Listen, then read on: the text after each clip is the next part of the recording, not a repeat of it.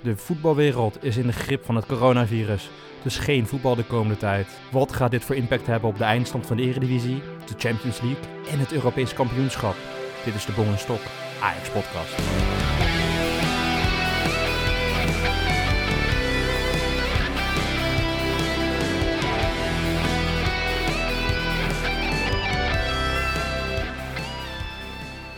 Stok, hier zitten we dan, lekker thuis. Zit jij eh, nu vrijwillig thuis of zit jij in quarantaine? Ja, het is een beetje beide, Bon. Eh, om, mijn werkgever die heeft ons eh, wel naar huis gestuurd. Eigenlijk iedereen binnen het kantoor. Dus ik zit al inderdaad een paar dagjes thuis, sinds woensdag al. Ja, bizarre situatie, man. Ik heb het echt het gevoel dat wij in een soort van filmleven. Weet je wel, I Am Legend. Ken je die film met Will Smith? Dat ze dan eh, dat alleen maar zombies buiten lopen en dat hij alleen maar binnen moet blijven. En dat anders eh, krijgt hij ook dat virus. Ik heb het gevoel dat we in die film zitten. Ik, ik heb nog nooit iets meegemaakt. Echt bizar, man. Ja, ik geloof dat in die film dat, eh, dat je dan vooral s'avonds niet naar buiten mag. Maar ja, ik, ik moest zo net toevallig even naar buiten. En eh, ik, zit, ik woon dan, eh, zoals je weet, in Ierland. Nou, daar is echt helemaal niemand meer buiten. Je ziet een paar auto's voorbij gaan, maar het is echt alsof eh, ja, de wereld een beetje tot stilstand is gekomen. Ja, net komt ook in Nederland het nieuws naar buiten terwijl we deze podcast opnemen. Dat de horeca dicht gaat in Nederland, de scholen gaan dicht. Ja, het hele normale leven is, hou- houdt gewoon op. Ik vind het echt te bizar voor woorden dat we dit echt meemaken. Want we, zeggen het net, van onze ouders, onze opa en oma, die, die hebben nog het idee van de oorlog meegemaakt. Dat gaan wij hopelijk in ons leven niet nooit meer meemaken. meemaken. Maar, maar dit is wel een situatie die wij ons leven gaan, bij, eh, gaan herinneren, Stok. Dit is, eh, dit is echt uniek. Ja, Bong, en mijn grote vraag is, heb jij al genoeg wc-rollen ingeslagen of niet? nou, ik zou je vertellen. Ik, ik kreeg dus allemaal appjes van vrienden. Ja, ik heb geen wc-papier meer. Helemaal in paniek. Die moesten gaan poepen, maar die konden niet gaan poepen. Dat vond ik wel erg leuk. maar ik zal je wat vertellen, Stok. Ik eh, was in Den Haag bij mijn ouders afgelopen week... voordat de persconferentie van donderdag van Mark Rutte eh, er was. Toen het land een beetje paniek raakte. En mijn vader die hamstert gewoon zijn hele leven al, voor mijn gevoel. Dus die heeft op de zolder, waar ik eh, mijn kamer heb... heeft hij zo'n ruimte waar hij alles opslaat. Dus al als er weet je, het bonus was bij de Albert Heijn, had die, sloeg hij echt voor, ik weet, voor weken tandpasta in. Voor weken wc-papier. Dus mijn vader, zonder dat ik het wist, echt oprecht, voordat die persconferentie had er twee van die enorme wc-papierrollen blokken in mijn auto gedaan. Dus ik kwam thuis, ik doe mijn auto open en ik zie echt enorm veel wc-papier liggen. Dus ik heb nu, als het slecht gaat met de economie, ik heb handelswaar. Ik heb tradable commodities. ik kan gewoon die wc-papieren gaan verhandelen. Het is echt een side business. Ja, ik zag inderdaad op, op Facebook al foto's bijkomen van mensen die probeerden voor 10 euro per stuk te verkopen. Nou ja, hè? Ik, eh, ik weet niet hoeveel rollen je ingeslagen hebt, Bong, maar eh, dat eh, klinkt vrij lucratief. Ja, ja je, Stok, jij kent dit. Als je naar de wc gaat, dan heb je of heb je die situatie dat je altijd moet afvegen, echt heel lang, of niet. Dus je moet nu gewoon gaan zorgen dat je voedsel eet waar je nooit hoeft af te vegen. Dan kan je dit soort dingen heel lang uitstellen. Dit is echt strategie, man. Dit zijn echt levensstrategieën. Hey, maar eh, voor, voordat we het over voetbal gaan hebben, ik heb gezien dat er één ja, nationaliteit zich niet zo druk maakt om het coronavirus. Weet je welk land zich niet zo druk maakt? erom? Geen, geen flauw. Nederland? Nee, onze, onze zuidenburen, de Belgen. Ik heb gelezen dat die massaal naar Nederland aan het rijden waren deze week. Om, eh, om hier maar op het terrasje te gaan zitten in plaats van eh, in België. Want daar is alles al dicht. Dus die Belgen zijn massaal de grens overgegaan om eh, ja, hier een, een biertje te drinken. Meen je dat nou echt oprecht? Ik heb er echt niks van meegekregen. Ja. In, eh, in, in Sluis hebben ze bijvoorbeeld alle kroegen al eerder dicht gedaan. Want eh, ja, het staat helemaal vol met Belgen. Nou ja, dat kan toch niet? dat, als er één land is waar je het idee hebt dat je het minder geregeld dan Nederland, is het België wel. En die komen gewoon naar Nederland om gewoon eh, de kroeg in te gaan s'avonds of zo. Ja, precies. Nou ja. ja, dat is echt, echt belachelijk. Ja, ik, ik ben niet snel grens dicht. gewoon, gewoon de grens dicht doen. Nee, ik, heb er inderdaad wel om, eh, om moeten lachen. Maar goed, eh, dit, dit blijft tenslotte een eh, voetbalpodcast en vooral over Ajax ook. Laten we maar, maar beginnen, Bong. Wat vinden wij van de reactie van de KNVB? nou, kijk, het besluit dat uiteindelijk is genomen dat er nu op tafel ligt, dat er niet meer wordt gevoetbald, vind ik wel oké. Ik bedoel, als, het, ik bedoel, als alle evenementen worden afgelast met meer dan 100 mensen, dan moet voetbal er gewoon bij horen. Ehm, je merkt ook gewoon, ik, andere competities, ook andere sporten doen gewoon precies hetzelfde. Dat, dat is goed. Maar ik vond het wel vrij laat, want de KNVB begon nog eerst van laten we de competitie vooral door laten gaan. Eh allereerst waren alleen de wedstrijden in Brabant afgelast en Ajax Twente vandaag zou gewoon doorgaan. En toen werd het gezonde publiek. En pas heel laat eigenlijk werd het ja, gewoon helemaal aflasten, de, de competitie. Ik, ik, ik ben de beslissing die genomen is, ben ik het uiteindelijk mee eens. Maar ik vond het wel vrij laat hoor, Stok. Nou, ik ben het helemaal met je eens. Ik vond het eigenlijk ja, hele slechte beslissingen tot aan, eh, aan het eind. Hè. Ehm, dit is een periode waarop we met z'n allen ja, wat draconische maatregelingen moeten nemen om te zorgen dat dit niet verspreidt. En dat de KNVB die heeft uh, alleen ja, naar de eigen bankrekening gekeken. Niet nagedacht over de fans en de veiligheid uh, van de fans wat dat betreft. Dus ik, ik vond het eerst zeer matig. Gudde die, die echt uh, zich van zijn slechte kant laat zien. En uiteindelijk is het juiste besluit wel genomen. Maar ik heb het idee dat dat meer komt door de burgemeesters die wedstrijden aan het aflassen waren. Of door de overheid. En niet door de KNVB zelf. Dat denk ik dus ook. En ik weet niet wat het is met de KNVB. Maar ze zijn natuurlijk al een tijdje niet zo lekker. Sinds uh, Hans van Breukelen daar ooit een positie heeft ingenomen dat het daar misgaat. Maar zelfs de KNVB heeft dus een, een, partij die het nog slechter doet dan hen. De, UEFA. De UEFA wilde eerst nog alle wedstrijden laten doorgaan. Die uh, zonder publiek laten spelen. Ik, ik weet niet wat daar in wat is in Zwitserland uh, aan de gang is. Maar de UEFA die denkt echt alleen maar de portemonnee. En in deze tijd, ik begrijp dat er commercie een belangrijke rol speelt, maar volksgezondheid neemt hier natuurlijk wel een... Gewoon, dat, dat trekt hier het voortouw. Er is niks zo belangrijk als de gezondheid van de bevolking. En UEFA heeft echt als allerlaatste bond pas besloten dat ze het af gaan lassen. Die hebben de helft van de wedstrijden door laten spelen.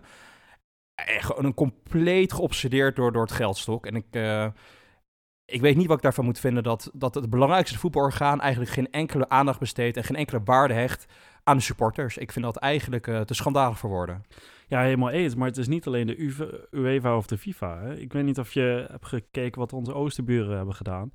Duitsland die zegt, ja, dit is wel een erg ernstige situatie, maar we gaan nog één weekendje spelen en daarna dan, uh, dan stoppen we er wel mee. Ja, dat is ook echt totaal verkeerd besluit ge geweest natuurlijk. En gelukkig hebben ze dat teruggedraaid, omdat er heel veel controversie over was. Maar je ziet eigenlijk vrijwel alle voetbalbonden die, die het op dit moment ja, niet helemaal goed doen. En uh, ja, KNVB ook voorop inderdaad wel. Maar we moeten echt een voorbeeld nemen aan andere sporten, Want in de NBA, de, uh, de basketbalcompetitie van Amerika, was er één speler waar ze hadden ontdekt, die is besmet met het coronavirus. Het nieuws kwam binnen, tien minuten later werd aangekondigd door de competitie, we leggen alles stil, alles staan, de hele competitie wordt stilgelegd. Dat besluit wordt heel snel genomen en op een of andere manier is het voetbalbolwerk met al die oude geiten, die daar, die bobo's die daar belangrijk lopen te doen, is er niet toe in staat om zo'n eigenlijk best wel logische beslissing te nemen. Eigenlijk alleen de Formule 1 heeft het slechter gedaan. Dat de fans voor de poorten stonden voor de Grand Prix van Australië. En dan anderhalf uur hebben ze daar moeten staan. In zo'n groep van 100.000 mensen. Die iedereen elkaar aan aan steken met hoesten en zo. Hebben ze een anderhalf uur nog over gedaan bij de Formule 1 om te besluiten dat die Grand Prix niet doorging. Dat is echt de enige sportorganisatie, de sport over, ja, hoe zeg je dat? De, de, ja, de sportorganisatie die het slecht heeft gedaan dan het voetbal. En ik vind dat eigenlijk wel heel erg, ja, schaam. Ik vind, ik vind, dat, ik vind dat eigenlijk dat het voetbal met schaamte naar zichzelf moet kijken. Om te kijken hoe kunnen we nou onszelf verantwoorden richting de bevolking, richting de fans. Dat we gewoon niet aan hen kunnen denken, maar alleen zijn portemonnee. Ja, ik kan er echt mijn hoofd niet bij. Maar ik heb wel een vraag voor jou, Bong. Had jij liever gehad dat de wedstrijd door waren gegaan, maar dan zonder publiek? Of um, vind je liever dat, dat de wedstrijden stil moeten worden gelegd of de competitie stil moet worden gelegd en, en weer verder spelen zodra het weer kan? Ik vind eigenlijk ik, dat gewoon de competitie helemaal moet worden stilgelegd. Want je weet het natuurlijk ook niet. Hè? Wij, wij, zijn natuurlijk geen medische experts, maar er zijn dus mensen die denken dat je ook een virus kan overdragen als je geen symptomen hebt. Stel dat één zo'n speler dat heeft op het veld. En de rest van de selecties worden, worden besmet. Ja, dat, dat weet je natuurlijk gewoon niet. Je moet gewoon het risico gewoon compleet vermijden. En ik denk dat de gezondheid van de spelers ook gewoon voorop moet staan. En daarbuiten vind ik het ook ik vind het heel raar om naar een wedstrijd te kijken als er geen publiek in het stadion zit. Je ziet wel eens die wedstrijden voorbij, voorbij komen op tv. Uit de, uit de zandbak, weet je wat de competitie waar Wesley Snijders carrière heeft afgesloten. Ja, daar kijk je toch gewoon niet graag naar op tv. Van, voetbal hoort gewoon met supporters. En als dat niet kan, moet je het gewoon aflasten. Ik, vind dat eigenlijk, ik, ik heb er eigenlijk geen twijfel over. Dat, dat is de beslissing die je in dat geval altijd moet nemen. Geen supporters, geen wedstrijd. Ja, ik ben het over het algemeen met je eens. Ik heb toevallig dit, deze week de wedstrijd Paris Saint-Germain tegen Dortmund gekeken. Dat was ook een wedstrijd in Parijs zonder uh, publiek. En uh, ja, dat is een ontzettend belangrijke Champions League wedstrijd. Hè? De beslissende wedstrijd ook. En totaal geen entourage, totaal geen sfeer. En je, je zag ook inderdaad dat, dat zo'n grote wedstrijd... waar je normaal gesproken echt met genot naar kijkt... omdat de spanning erop zit en omdat uh, ja, de, de, de, grote spelers toch op het veld staan... dat het nu gewoon een beetje een gezapige wedstrijd was. Het was eigenlijk niet veel om naar te kijken. En, en vrijwel dat hele plezier wat je hebt aan het voetbal, dat gaat een beetje weg. Dus ik ben het helemaal je eens. Het stilleggen is het juiste besluit. En we moeten dan inderdaad maar gaan kijken hoe lang duurt dit en, en wat heeft dat dan voor, voor impact op de competities. En ook vooral op de ranglijst. Wat is natuurlijk wel echt een vraag, want niemand weet hoe lang dit gaat duren. Maar de wedstrijden zijn nu tot en met eind maart tot en met april nu uitgesteld. Dat is eigenlijk twee weken. En je hoort geluiden dat dat echt niet realistisch is. Dat het natuurlijk in situatie best wel lang kan gaan duren. Er zijn zelfs geluiden, er zijn de doemsdenkers denken zelfs dat tot en met september er geen voetbal gespeeld kan worden. Ja, hoe ga je bepalen wie kampioen wordt, Stok? Wanneer moet de competitie dan weer hervat worden? Er staat een EK deze zomerprogramma, een Champions League uh, die hervat moet worden of die misschien niet hervat moet worden.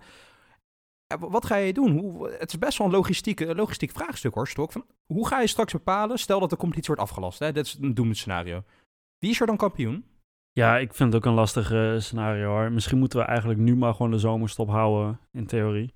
Uh, iedereen nu maar op vakantie sturen en, en dan straks gewoon weer verder gaan. Ik, ik vind het een, een lastig uh, scenario. Wat ik wel las is, wat overigens ook totaal schandalig was, dat Barcelona al gelijk heeft gezegd, als de competitie afgelast wordt, dan moeten wij maar kampioen worden. Want hè, er zijn meer dan 70% van de wedstrijden zijn gespeeld en we staan twee punten voor, dus dan moeten, we, moeten wij maar uitgeroepen worden als, als kampioen. Uh, ik vond het een beetje uh, een verkeerd moment van Barcelona om dat te zeggen. Maar er zit natuurlijk wel wat in. Kijk, op, op een gegeven moment, uh, in september beginnen we weer, weer opnieuw als het goed is. Dan beginnen de Europese wedstrijden ook weer opnieuw als het goed is. Dus op een of andere manier moet er wel besloten worden dan wie gaat er bijvoorbeeld Europa in? Wie gaat er in Nederland de Champions League direct in en wie moet de voorronde spelen? Wie gaan er de Europa League in? Um, dat zijn wel allemaal besluiten die moeten worden genomen. En in principe vind ik wel, aangezien wij, ik heb het toevallig even uitgerekend, we hebben 74% van de wedstrijden gehad. Ja, misschien moet je dan toch maar zeggen, hè, en dat zit natuurlijk in ons voordeel, dat weet ik. Uh, maar ja, dan moet je misschien toch maar de huidige ranglijst aanhouden. Maar je krijgt wel een hele aparte situatie hoor, Stok. Want je hebt niet het moment dat je de titel gaat vieren dan.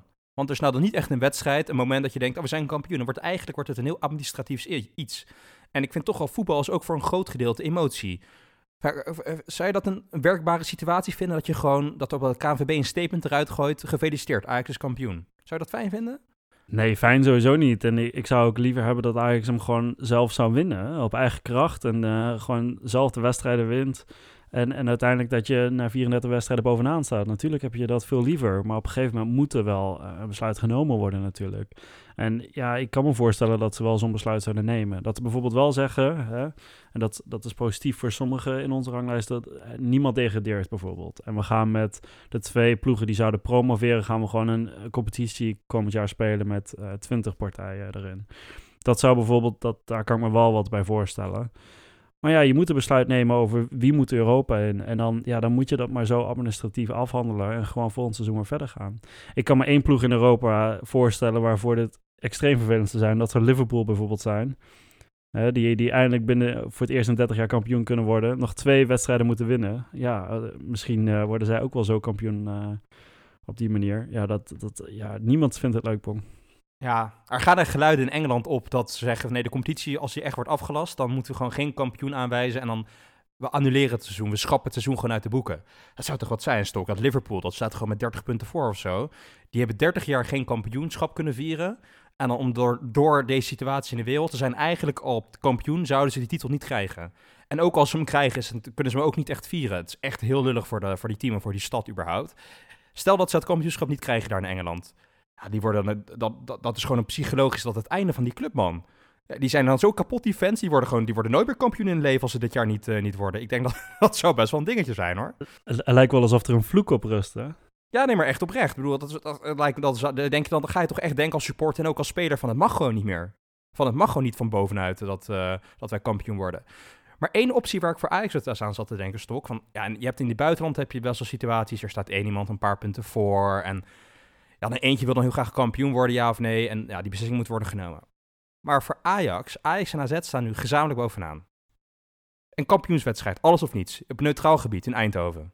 Ik vind dat al wat hebben. Ik vind het wel een interessant, uh, interessant idee. Ik kan me nog de wedstrijd Ajax-Twente herinneren. Dat was eigenlijk ook zo'n uh, alles of niets wedstrijd. En uh, ik, ik heb daar intens van genoten destijds. Dus nee, ik vind het een goed idee. Maar dat, dan ga je er wel vanuit dat er wel gevoetbald mag worden. En ja, laten we dat eerst afwachten. Maar in, in principe ben ik het uh, ben ik, ben ik voorstander. En een van de dingen waar wij, eh, als we toch iets positiefs uit deze hele situatie moeten trekken, is als de Europa League en de Champions League echt niet doorgaan, betekende dat ook Oostenrijk, die nog een ploeg in de Europa League heeft zitten, Red Bull Salzburg volgens mij, als ik me niet vergis, geen punten meer kan sprokkelen voor de coëfficiëntenlijst. Wat natuurlijk ook wel zou betekenen dat Nederland zijn directe plaatsing voor de Champions League zou behouden. Want dat stond ook nog op het spel. Nederland ligt natuurlijk uit, alle ploegen helaas. Dus dat is wel, is wel een voordeeltje. Maar een van de dingen die werd geopperd, Stok, is... je kan, per competitie moet nu worden bepaald wie wordt kampioen. Maar wie er Europa in gaat, is er eigenlijk een andere vraag. Want dat betekent dat je ook de rest van de ranglijst op een bepaalde manier moet gaan definiëren. Iets wat werd geopperd, is gewoon met de exact dezelfde ploegen... de Champions League en de Europa League beginnen volgend jaar. Wat zou je daarvan vinden? Dat betekent volgens mij in eerste instantie dat wij weer voorronde zouden moeten spelen, toch? Ja, ja, ja, dat is misschien wel waar. Ja, ik dacht eigenlijk gewoon direct met de groepsfase. Ja, maar ja, goed, er zijn ook ploegen van vorig seizoen die dan uh, al direct in de ploeg of in de groepsfase zouden zitten. En uh, dan zou je dus nog grotere groepen uh, krijgen. Ja, ik vind het lastig. Ik, ik vind dat ook niet helemaal eerlijk. Wat ik zeg, we hebben al ruim 70% van de competitie erop zitten. Dan is dat toch wel erg lullig voor, voor teams die um, goed gepresteerd hebben en die, die hoog staan. Dus ik, ja, ik, ik ben daar ook geen voorstander van, eerlijk gezegd hoor. Ik zou dan liever kijken naar de huidige stand van zaken. Dat is ook niet perfect, maar er is gewoon geen perfecte oplossing op dit moment. Um, ja, dus, dus ik zou kijken naar de huidige ranglijst en niet naar uh, wie heeft er vorig jaar gespeeld. Dat vind ik eigenlijk nog oneerlijker. Ja, er zit misschien nog wat in. Eén groot voetbal-evenement buiten het Europese voetbal op clubniveau. Er is natuurlijk ook een Europees kampioenschap dat gepland staat. Denk jij dat het überhaupt doorgaat? Is dat werkbaar? Want de competitie wordt uitgesteld. Denk je, denk je dat ze deze zomer een EK gaan houden? Ik denk dat ze het graag zouden willen. Maar als ze verantwoordelijk zijn, en, en dat, dat zullen ze moeten zijn, dan gaat dit natuurlijk niet door. Je kan niet op dit moment een EK organiseren, uh, verspreid over heel Europa, waar honderden, duizenden mensen, misschien wel miljoenen mensen heen en weer gaan reizen om hun favoriete land aan te moedigen. Dat is een absoluut nachtmerrie, kan ik me voorstellen, voor, voor iedereen die probeert de coronavirus een beetje in te dammen. Dus nee, dit, dit moeten ze uitstellen, dat kan toch niet? Uh, daarnaast zitten we sowieso in een probleem met de speelkalenders, dus dit moeten ze naar of naar de winter verplaatsen of gewoon een jaartje doorschuiven. En ik, ik las dat het grote probleem was met een jaar doorschuiven dat de FIFA een nieuw opzetje heeft met uh, een soort van wereldkampioenschap voor clubs dat ze in de zomer willen spelen. Nou, dan moet de FIFA zich ook maar eens een keer van de beste kant laten zien. Want uiteindelijk uh, is een EK toch belangrijker dan een, uh, een WK voor clubs. Dus nee, ik, ik ben groot voorstander van een EK in 2021 en gewoon gelijk verschuiven. Uiteindelijk heeft UEFA dus echt het allerslechtste moment in, retrospect uitge, uitgezocht om een EK voor het eerst over verschillende landen te gaan organiseren. Normaal vindt dat natuurlijk plaats in één land of twee, bij uitzondering. Maar nu zou eigenlijk bijna elk land zou een keer een wedstrijd mogen organiseren. Ja, daar heeft UEFA nog wel heel veel ja, ongeluk bij gehad dat deze situatie zich voordoet. Want in principe was iedereen fan van dit idee. En nu krijg je dit eigenlijk overheen. Dat het alleen maar meer logistieke problemen oploopt. Dat één land het niet wil doen en andere wel. Dus dat wordt nog wel een dingetje hoor. En ik ben met je eens. Uiteindelijk moet UEFA en de FIFA moet hier gewoon samenwerken. Maar ik ben bang dat dat niet gaat lukken, Stok. Want de FIFA, dat, zelfs de UEFA, die heeft nog wel een beetje voor mijn gevoel wat redenatie. Maar de FIFA, als er één organisatie zich corrupt doet laat voorkomen en alleen maar aan geld denkt, is de FIFA wel. Ik bedoel, uh, die gaan echt niet uh, die gaan niet wijken voor, voor, voor wie dan ook. Die zeggen, wij zijn de FIFA en wij zijn het allerbelangrijkst. En uh, jullie de rest roepen het maar op. Dus het zou zomaar kunnen dat er geen EK komt, Stok. En dat zou toch zonde zijn, want hoe lang uh, wachten wij op een voetbaltoernooi, man? Zes? Zes jaar lang zijn we er niet bij geweest? Ja, dat, dat, kan echt niet. Nee, maar ik ga er wel vanuit dat er een EK komt. De vraag is wanneer. Hè? Misschien doen ze het wel in de, in de winter. Um, dat kan eventueel. Kijk, in de FIFA is natuurlijk sowieso een corrupte bende. Hè? Het, het, maakt ze allemaal niet uit. Een Afrika Cup midden in een seizoen, dat, dat mag allemaal. Maar zolang het maar niet op hetzelfde moment is als een FIFA-toernooi. Ja, dat, dat is natuurlijk sowieso al corrupte bende. En misschien dat het maar eens een keer goed is dat, dat UEFA zegt... oké, dit is... Ja, dit, hadden wij ook niet zo gewild, maar hè, dit is de enige oplossing. En jullie moeten maar eens een keer flexibel zijn. En, uh, en, en dat WK voor clubs maar eens uitstellen. Ik bedoel, ze hebben sowieso al een WK voor clubs in de, in de, in de winter. Dan willen ze er ook nog één in de zomer of ze willen het verplaatsen. Nou ja, laat, laat hem maar eens een keer flexibel zijn. Over corruptie gesproken, en misschien aan gerelateerd transparantiestok. In elke competitie, bijna elke, is er een speler of een coach. In, uh, in Engeland is het uh, de coach van Arsenal die positief is getest op het coronavirus. In Italië is het de speler van een teamgenoot van Matthijs de Ligt, uh, Daniele Rugani, die positief is getest. Bijna elke competitie heeft nu een geval bijna. Denk je dat de KNVB dingen stilhoudt? Of dat de Nederlandse spelers gewoon echt heel gezond bezig zijn? Ja, ik vind dat een lastige. Ik, uh, ik, ik denk wel dat Nederland transparant genoeg is om, om dit te delen wanneer het daadwerkelijk zo is. We hebben natuurlijk gezien met, uh, met onze eigen Christian Paulsen, de assistent van Ten Hag, die eh, in quarantaine heeft, heeft gezeten twee weken en die gelukkig eh, gezond was, eh, is. Ehm, ik denk dat het op dit moment meevalt of dat er gewoon spelers zijn die wellicht wel hebben, maar, maar in, in een milde vorm. Eh, vooral in Brabant kan ik me voorstellen dat dat wel gebeurt. Dus ik, denk niet dat het eh, in een doofpot gesto- gestopt wordt, maar ja, dat, eh, dat ze enigszins geluk hebben gehad. Over Christian Pauls gesproken, Stok. Kunnen wij niet een anonieme tip indienen dat wij denken dat bij hem toch weer is teruggekeerd? Want hoe lang Christian Pauls niet bij de technische staf eh, zit bij Ajax, denk ik dat het een positief effect gaat hebben. Want die man heeft volgens mij helemaal niks toegevoegd. Ja, dat zeg je, maar de resultaten waren niet best toen hij weg was. Dus misschien is hij wel stiekem het, het meeste brein bij Ajax. Ja, jij zegt uh, zonder dat is gewoon een nieuwe Scheuder, zeg jij, uh, die Ten Hag complementeert. ah, dit is Schreuder 2.0. Ja, ja zeker. Christian Paulsen, man. Ja, ja misschien, misschien moeten we maar een tipje indienen. Het is, is wel een dingetje natuurlijk. Misschien moeten dit is wel een manier om te gaan testen. Dus nu is Paulsen terug. Dan moeten we even Reiziger, een tip indienen over Reiziger, kijken of het dan beter gaat. En dan uiteindelijk Ten Hag. En dan blijkt misschien dat Ten Hag echt alleen maar op zijn assistenten leunt. Ja, ik vind het een, ik vind het een, over, een overwegen risico, uh, Stok, om te overwegen. Ja, ik, ik moet zeggen, ik word er ondertussen wel, wel erg moe van die discussie hoor. Wie is nou tactisch meeste brein bij Ajax? Was dat nou Schreuder? Was dat nou Ten Hag? Zijn het de andere assistenten? Laten we Ten Hag het voordeel van een twijfel geven in dit geval. Uiteindelijk is hij eindverantwoordelijk en, en hopelijk zoekt hij een staf om zich heen die hem complementeert. Uh, en die andere vaardigheden brengen die, dan die hij heeft. Dus ja, ik, ik geef hem maar de voordeel van twijfel. Ik moet zeggen, ik word wel heel erg moe van die discussie. Ajax is een keertje uit vorm, mag het. Eén ding dat het positief is aan het coronavirus. De Telegraaf heeft zoveel daarover te schrijven dat ze niks meer over Ten Hag hebben gepubliceerd. Dus een, een geluk bij een, uh, een klein gelukje bij een heel groot ongeluk. Ja, het is, het is wel stil, maar Valentijn Driessen in zijn podcast is uh, nog steeds niet erg mild, moet ik zeggen. Ja, ja maar Valentijn moet gewoon... In Nederland, daar moeten we gewoon echt een, met z'n allen gewoon een boycott op doen. Niet meer luisteren naar die man. Alles wat die man zegt, komt niet uit hoe kan iemand chefvoetbal zijn van de Telegraaf? Nou, dat is weer echt een levensvraag, maar, maar goed. Over mensen gesproken die een beetje rare dingen doen en zeggen. We hebben weer een veldmannetje van de week, Stok. Ja, we hebben zeker een veldmannetje van de week. Het veldmannetje van de, van de week. Jawel, wat doe je nou? Mark Rutte, heb je hem gezien? Ja, Mark die uh, in een persconferentie aan het hele land aangeeft... Hè, we moeten de eerste maatregelen nemen deze week door het coronavirus. Schud vooral elkaars handen niet. En het eerstvolgende wat hij doet na het eind van de persconferentie is uh, iemand zijn hand schudden. Ja, dit, dit, is echt een velmannetje van de week. Maar dat is toch te gek voor woorden dat een leider van een land. Ik bedoel, niks over de capaciteiten die die man heeft als, als leider zijn. Maar dit is wel echt, echt bij uitstek een situatie dat jij het goede voorbeeld moet gaan geven. Dat jij moet kalmte bewaren in, in de bevolking. Je moet het goede voorbeeld geven dat iedereen er zoveel mogelijk aan doet om een verspreiding van, een, van het virus te vermijden of tegen te gaan. En dan doe je dit. Dat kan toch niet? Ja, dat ben ik wel met je eens. Maar aan de andere kant, Bong, hè, we hebben, iedereen heeft het advies vooral niet zoveel aan je gezicht zitten. En dan ga je pas realiseren hoe vaak je eigenlijk aan je gezicht zit. Hè? Dus ik, ik denk dat dit ook gewoon puur automatisme was. Van nou, hè, die vent die heeft zijn duizendste persconferentie gegeven. Die schudt gewoon iemand de hand en is hij er klaar mee. En die, die, heeft daar gewoon niet over nagedacht. Ja, nee, dat is ook wel zo. Maar, maar doe jij dat nu niet meer, Stok? Dat jij een handen schudt van iemand die je niet kent... of dat je iemand die je lange tijd niet hebt gezien? Vermijd je nu echt het handschudden? Ja, ik moet zeggen, ik, ik doe het wel. Ik probeer inderdaad vaak mijn handen te wassen, wat dan gezegd wordt. Um, als ik dan buiten ben, dan probeer ik niet aan mijn gezicht te zitten. En dat is toch wel lastiger dan ik had verwacht eigenlijk.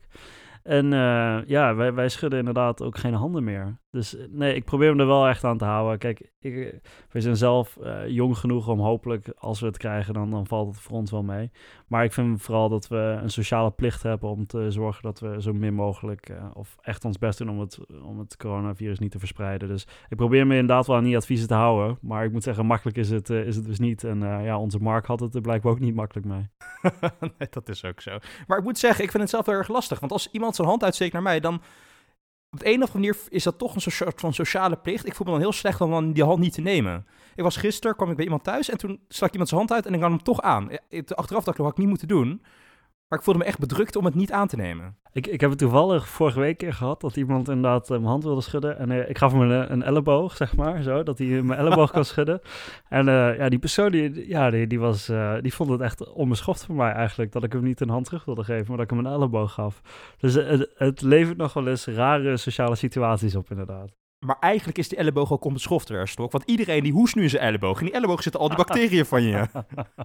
ja, dat is wel waar. Daar heb ik er niet over nagedacht. Maar inderdaad, ja. Ja, ja, ja, gewoon een voetje geven tegenwoordig, Stok. Laten we dat als advies geven aan onze luisteraars. Even een voetbox. Gewoon een gestrekt been. Hoppa.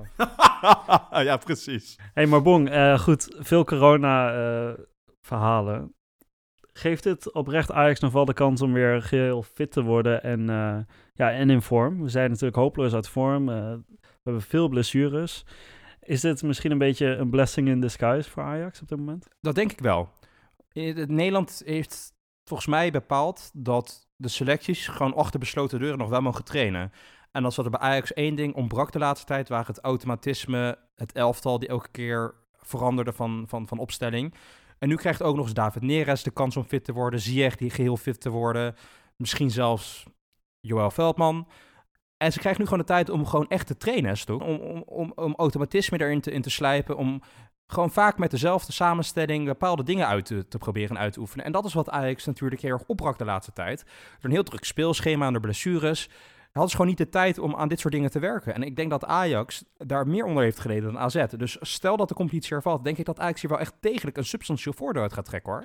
Ja, ik denk dat het inderdaad niet in ons nadeel werkt. AZ die was erg goed in vorm en, en wij maken ons toch wel zorgen. Ook met, uh, met de wedstrijd in de Kuip die eraan kwam. Dus ik denk inderdaad dat, uh, nou ja, een, een, een blessing in skies is misschien wel juist de manier om dit te verwoorden. Ik denk dat het heel belangrijk is voor Ten Hag om nu inderdaad te kijken van hoe, hoe krijgen we ten eerste mensen weer fit en ten tweede hoe, hoe krijgen we spelers weer in vorm en hoe kunnen we een bepaalde automatisme er weer inslijpen. Uh, want dat zullen we zeker nodig hebben wanneer hopelijk de competitie weer verder gaat. Nou, laten we dat vooral op een relatief positieve noot het afsluiten, Stok. Dus een hele een serieuze situatie waar we momenteel in zitten. We moeten met z'n allen elkaar ondersteunen en elkaar uh, proberen te onderwijzen op de gevaren die, uh, die er momenteel zijn in de samenleving. En laten we dan met z'n allen denken, Ajax heeft hier een beetje voordeel uit. En dat dat ons allemaal emotioneel een beetje versterkt de komende periode als we met z'n allen thuis zitten. Dat is ook zeker zo. En dit zijn ook van die momenten waarop je realiseert dat uiteindelijk is het maar een spelletje en er zijn belangrijkere dingen in, in het leven. En uh, nou ja, goed, ook al wordt de competitie uh, dit jaar afgeschaft, dan, dan gaan we gewoon in september beginnen we weer opnieuw. Ja, lieve luisteraars, vandaag hebben we het helaas niet over de verrichtingen van Ajax kunnen hebben. Maar zoals eigenlijk heel Nederland waren wij vooral in de ban van het coronavirus.